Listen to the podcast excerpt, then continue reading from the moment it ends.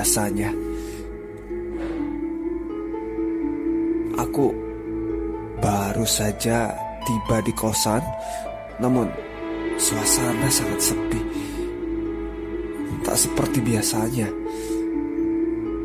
Yogi, Atif, bahkan kawan-kawan kosan lain semua tak ada di kamarnya.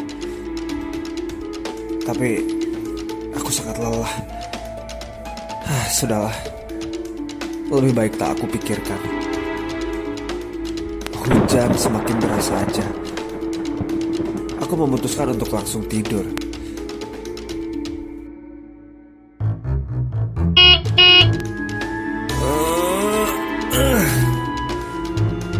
Suara mobil Yogi membangunkanku malam itu. Aku harus turun ke bawah untuk membukakan pagar. Tapi tiba-tiba aku merasakan sesuatu yang aneh ada di mukaku. Ketika aku pegang, astaga, rambut.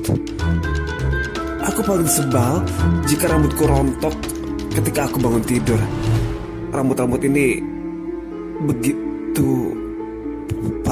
panjang. Astaga. Eh, ra- ra- rambut siapa ini? S-